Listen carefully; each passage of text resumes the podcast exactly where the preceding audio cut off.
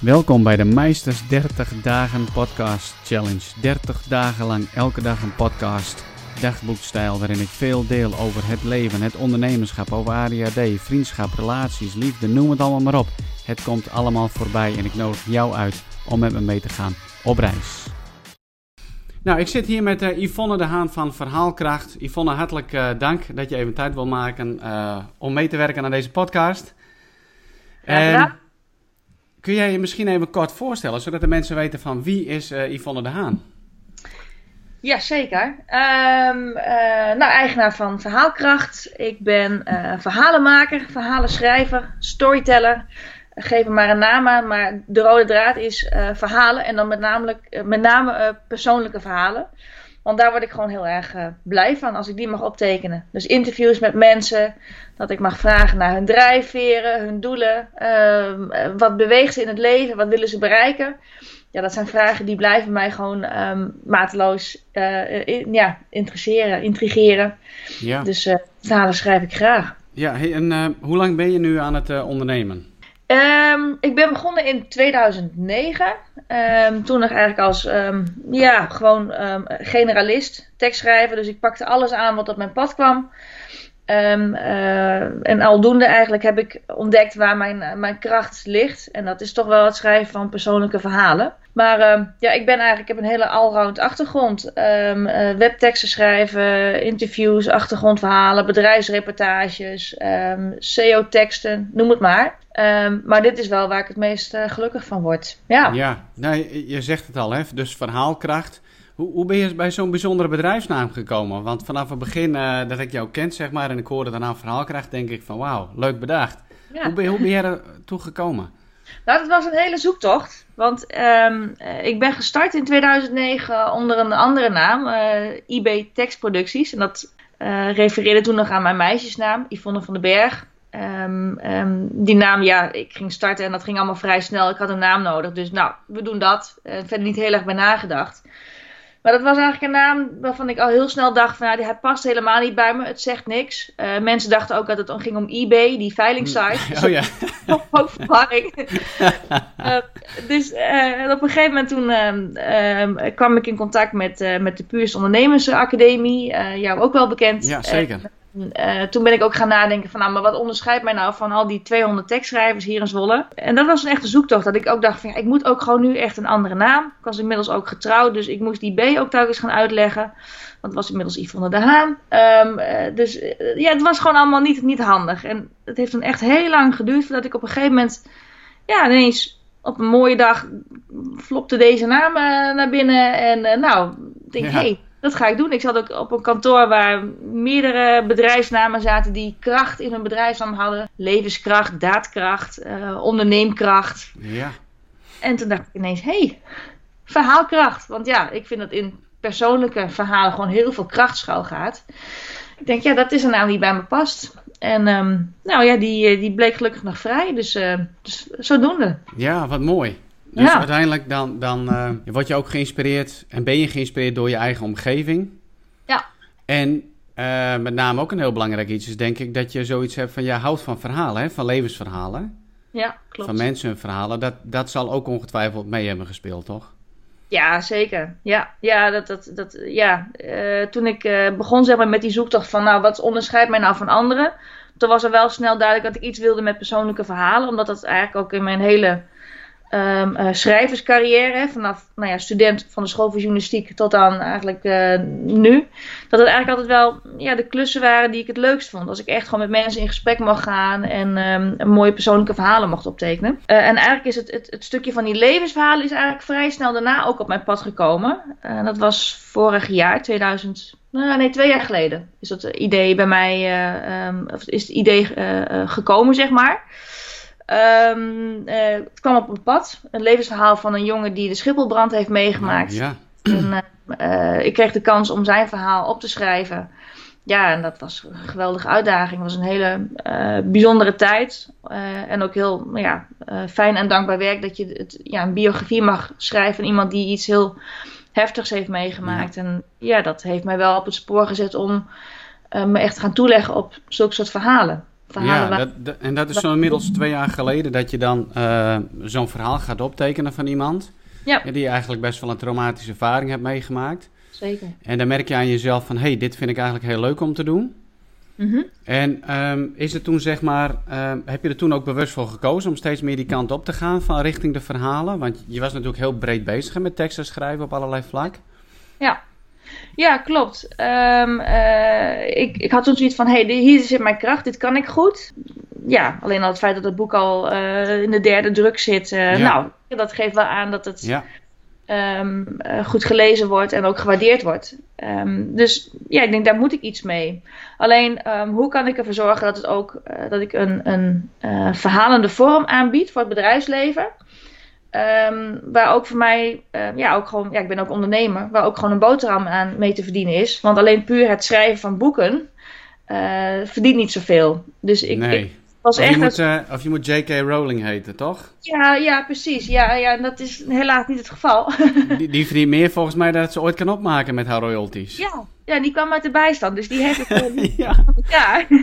ja. maar goed, um, um, dus ik was echt op zoek van, nou, hey, hoe, hoe kan ik dat nou gaan doen? En um, begin dit jaar had ik mezelf eigenlijk als doel gesteld van, ik wil minimaal twee levensverhalen schrijven. Nou, dat, ik heb één geschreven, maar dat was een opdracht van een collega-schrijver uh, uh, die ook een vergelijkbaar uh, bureau heeft met levensverhalen. Um, um, maar goed, ik had toen zoiets van ik wil het gewoon ook onder de eigen vleugels doen.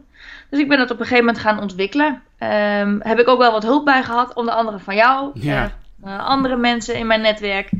Die mij uiteindelijk wel op het goede spoor gezet hebben. En uh, wat ik zelf, ja, waar ik zelf heel erg trots op ben, is dat mijn website vorige week gelanceerd is. En er staan nu drie uh, pakketten op van met, uh, met levensverhalen die ik, die ik ga schrijven. En dat, ja, dat, is, dat is heel erg leuk. Dus, ja. Hey, zou, je, zou je een voorbeeld kunnen, kunnen noemen over met wat voor soort verhalen zouden mensen bij je kunnen komen? En hoe, en hoe gaat het proces dan in zijn werking? Want ja, ik kom al genoeg mensen om me, om me heen tegen. Nou, weet je, ik, ik schrijf zelf wel mijn boeken en die lopen dan helemaal vast en noem het maar op. Maar ja. ja wat voor soort verhalen en, en hoe, ga je ze, hoe, hoe gaat het proces dan eruit zien? Uh, dat is redelijk overzichtelijk. Dus het ligt ook een beetje aan uh, de mogelijkheden van, uh, van mijn opdrachtgever. En daarom heb ik drie pakketten. Voor mensen die vooral het verhaal willen ehm, laten optekenen, maar niet zo heel veel budget hebben, kom ik één of twee keer langs. En dan teken ik het verhaal op. En dan krijg je het gewoon een, nou ja, een, een mooi opgeschreven verhaal. Een redelijk sobere opmaak. Maar dan kun je voor een paar honderd euro kun je al je verhaal laten optekenen. Ja. En dan kunnen we ervoor kiezen van... wil jij je verhaal in vogelvlucht uh, weergeven... of spits je echt toe op één specifieke gebeurtenis in je leven... die heel veel impact gehad heeft? Is het een gebeurtenis die je op die manier wilt verwerken... of um, een, een, plek wil geven? Wil je iets nalaten voor je, voor je kinderen, voor je kleinkinderen? Ja, dus, dus ook voor senioren is het heel uh, interessant. Uh, dus, dus dat bied ik. En voor mensen die meer budget hebben kun je dan meer gesprekken voeren. Kun je het mooier vormgeven in uh, nou ja, een klein boekje. Of uh, als je echt uh, erin wil investeren en je hebt die mogelijkheden, dan kun je er gewoon ook een echt mooi album van maken. Met ja. een mooi hardcover omslag. Met mooie kleurenfoto's in. Um, krijg je een aantal oplagers ook thuis gestuurd. Dus je hebt ook een naslagwerk voor um, je dierbaren. Hè, ja, je, precies je leden, je kinderen, kleinkinderen. Um, ja, en dat is gewoon heel erg mooi. Dus, dus dat wat de mensen willen vertellen, dat, dat ligt ook heel erg bij de mensen zelf. Ja. Hè? Dus daar laat ik ze ook gewoon vrij in. Ik bied ze gewoon de keuzemogelijkheden. Maar ik denk dat het voor mensen ja, gewoon heel erg uh, louterend kan werken. Ja, als Ja. je inderdaad, uh, ik noem maar wat. Um, nou ja, die jongen die, waar ik vorig jaar het boek over geschreven heb, die heeft uh, PTSS. En het boek heeft hem ook weer geholpen om dingen te kunnen verwerken, om dingen een plek te kunnen geven. Hij is er nog lang niet, want hij, heeft echt, hij is echt getraumatiseerd. Ja. Maar um, ja, hij is wel weer een stap verder. En sowieso ook een stuk van, uh, hè, van het verhaal, zijn verhaal is nu gewoon gedrukt op papier. En dat is, geeft hem natuurlijk een enorm trots gevoel van hé, hey, ik heb iets bereikt in mijn leven. Ik ben iemand. ja, precies. Ja, dat, dat is gewoon heel fijn als je daar gewoon een bijdrage aan kan leveren. Dat vind ik mooi. Ja, dat geeft Ja. mij weer. Hè, dus je geeft al aan, het, het kan dus louterend werken. Dus eigenlijk ook gewoon heel therapeutisch om je verhaal eh, Ja. op te laten tekenen. Je bent echt in gesprek. Jij doet het dan in interviewvorm en dan werk je het uit. Ja, dan werk ik het uit. Ik neem ook alle gesprekken op, zodat ik ook gewoon alles uh, op de, uh, um, uh, kan laten terughoren als Ja. mensen dat graag willen. Ehm, dan werk ik het uit. Ik laat het de mensen inlezen. Kunnen ze dingen aanpassen. Desnoods volgt daarna het tweede gesprek. Dat is ook een beetje afhankelijk van natuurlijk het, het, type pakket wat mensen dan kiezen. Of de afspraken die je maakt. Um, en eigenlijk, ja, ik vind het gewoon belangrijk dat het gewoon elk woord dat ik opschrijf, dat ze daarachter staan. Dus het is, er zal ook een soort, uh, ja, uh, het is een samenspel hè, van mensen. Je moet gewoon uiteindelijk tot een, een goed boek komen waarin uh, mensen zich kunnen herkennen. Dat is het ja. belangrijkste. Ja. Dus, dus het zou echt gewoon kunnen, mensen die echt hun boek willen laten schrijven over hun leven. Um, maar dat zou ook bijvoorbeeld kunnen zijn een soort van, ja, autobiografie waarbij je ze helpt te schrijven? Ja, dat, dat zou ook kunnen. Dat, dat heb ik op zich nog niet uh, uh, bij de hand gehad. Maar als mensen zeggen van, joh, ik, ik ben zelf al heel ver en ik heb eigenlijk een duwtje in de rug nodig om weer, weer verder te kunnen. Ja, dan mogen ze me natuurlijk altijd uh, benaderen ja. en kijken of ik ze kan helpen. Ja. ja. En nu hebben we het ook gehad over de doelgroep veteranen. Ja. Ik ben zelf ook een veteraan. We hebben het er heel vaak wel over gehad. Ja. Ja, zou het ook iets kunnen zijn voor veteranen, denk je, om zeg maar juist hun verhaal op te laten tekenen en dat ja, jij ze daarbij kan helpen? Ja, absoluut. Um, vooral veteranen die ja, um, um, heftige dingen hebben meegemaakt ja. en dat misschien nooit echt goed hebben kunnen verwerken. ik kan me voorstellen dat dat iets is wat, wat altijd bij je blijft en, en wat je heel moeilijk van je kan afzetten. Nou, ik, ja, volgens mij helpt dat echt als je als je, je verhaal laat opschrijven. Ja wel een stuk verwerking, maar ook je kunt aan je mensen in je omgeving laten zien van hé, hey, dit heb ik meegemaakt. Ja, het geeft ook een stuk, uh, ja, hoe zeg je dat? Je, je kunt het makkelijker uitleggen ja. aan mensen in je omgeving wat je hebt meegemaakt en, en wat je hebt doorstaan. En mensen kunnen daar ook gewoon um, ja, een stukje respect of begrip mee, mee bereiken. dat je ja, zegt, het, is, het is ook soms gewoon heel lastig om ja. het in woorden uit te leggen. Vooral voor mensen die niet een uitzending hebben meegemaakt. Precies. Hè, of die niet zeg maar een militaire achtergrond hebben van, nou ja, ja dan, dan kan dit wel een echt een, uh, uh, ja. een heel mooi iets zijn. Je ziet ook steeds meer boeken verschijnen van, van mensen die op uitzending zijn geweest. Maar ik kan me voorstellen, ja, niet iedereen kan een boek schrijven. Nee, klopt. En dat is wel, uh, ja, weet je, ieder zijn vak. Ja. Um, um, maar ik denk het vooral voor veteranen, wat je ook al zei. Ja, je, je gaat um, alleen op uitzending, je laat de mensen in je omgeving laat je achter. Ja. Um, mensen krijgen wel iets mee natuurlijk van wat daar gebeurt, maar zijn natuurlijk niet 24 uur per dag nee. bij. Er komt een hele moeilijke situaties, hè, wat jij ook vertelde vorige week uh, toen we elkaar ook spraken. Um, hè, dat je in een omgeving komt waar bermbomen liggen en dat je eigenlijk 24 uur per dag alert moet zijn ja. op um, de kans dat je op een bermbom uh, stapt. Nou, dat, dat, dat doet iets met je. Dat, dat kan je enorm verlammen. Misschien niet op het moment dat je daar zit, maar wel achteraf. Ja. En dat, dat gevoel, dat kan enorm bij je blijven hangen. Nou ja, volgens mij helpt praten altijd. Om dingen van je af te praten. Dat kan bij een therapeut. Um, um, um, dat zou ik je sowieso aanraden. Want ik ben geen therapeut. Ik ben een, een, een neutraal persoon in, in dat opzicht. Hè. Ik help je om je verhaal op te schrijven. Ja. Maar het, ja, het, het, het, het heeft een zeker een, een, louterend effect. Ja, ja, ik zou het allebei doen. Nee, precies. En wat ik ook zo mooi vind, zeg maar, in het hele traject wat we samen uh, zo doorlopen, is dat je uh, zelf ja, ook zoiets hebt van: dit is eigenlijk echt mijn ding, hè? Om mensen te helpen hun verhaal op papier te zetten. En, en dat je er zelf eigenlijk ook gewoon ja, een stukje zingeving uit haalt om mensen daarin te begeleiden. Klopt, ja. Ja, dat, ja. dat is dat wel eens een hoger doel. Ja, dus je had het er ook wel over van ja. het onderscheidend willen zijn. Maar ja, dit is, dit is dus een van die dingen die, um, die jou dan onderscheidt ook van anderen, zeg maar. Ja. He, ja. Je, he, er zijn net, zo, net zoals er heel veel coaches zijn, zijn er natuurlijk heel veel tekstschrijvers in, uh, in ZZP-land. Mm -hmm. Wat voor advies zou je willen geven als het gaat, zeg maar, om, uh, om andere tekstschrijvers die op zoek zijn naar uh, zich te willen onderscheiden van anderen? Nou ja, ga die, ga die zoektocht aan. Um, uh, denk niet van, oh, ik heb um, um, uh, geld nodig, dus ik pak alles aan wat op mijn pad komt. Ja, tuurlijk, dat, dat moet voor een deel ook wel, ja. uh, als je zelf begint. Maar blijf daarnaast ook gewoon aan het, aan het zoeken en aan het ontdekken wat echt bij jou past. En ga niet alles doen, want dan kom je, ga je het ook in de problemen. Want dan ga je ook dingen doen waar je, waar je niet zo gelukkig van wordt, of nee, dingen precies. die niet lukken. Heb ja. ik ook al meegemaakt. Dus ga echt gewoon kijken en wees selectief. Dus op een gegeven moment kom je dan ook in een situatie dat je zegt van nou, dit doe ik wel of dit doe ik niet. En, um, en, en wees daar ook gewoon consequent in. Dat je zegt van nee, uh, deze klus die past niet bij me. Um, dat kan ik beter uitbesteden aan een collega tekstschrijver die uh, wel dat specialisme heeft. Dat, um, ja, daar wordt de opdrachtgever gelukkiger van, daar word ik gelukkiger van. Ja, ja uiteindelijk is dat ook een hele belangrijk iets. Hè? Ook gewoon dingen door te geven die jou niet liggen of zo. Ja, ja ik ben ook heel erg van het samen delen hoor. Ik, ik werk ook vaak samen met collega tekstschrijvers. Ja. Ik zie ze ook niet als, als concurrenten of zo. Ik, dat vind ik een. Nee, dat vind ik ook niet meer van deze tijd. Dat je iets hebt van ik bescherm alles wat van mij is. En, uh, nee. Dus je zoekt als het ware ook echt de samenwerking hè, met anderen. Ja, ik kan me voorstellen als dit op een gegeven moment heel erg goed gaat lopen. Uh, en dat ik het werk niet meer aan kan. Nou, dat gaat ja. ook zijn. Maar, ja. Uh, dat gaat gebeuren, hè? Ja, dat gaat gebeuren. Ja, absoluut.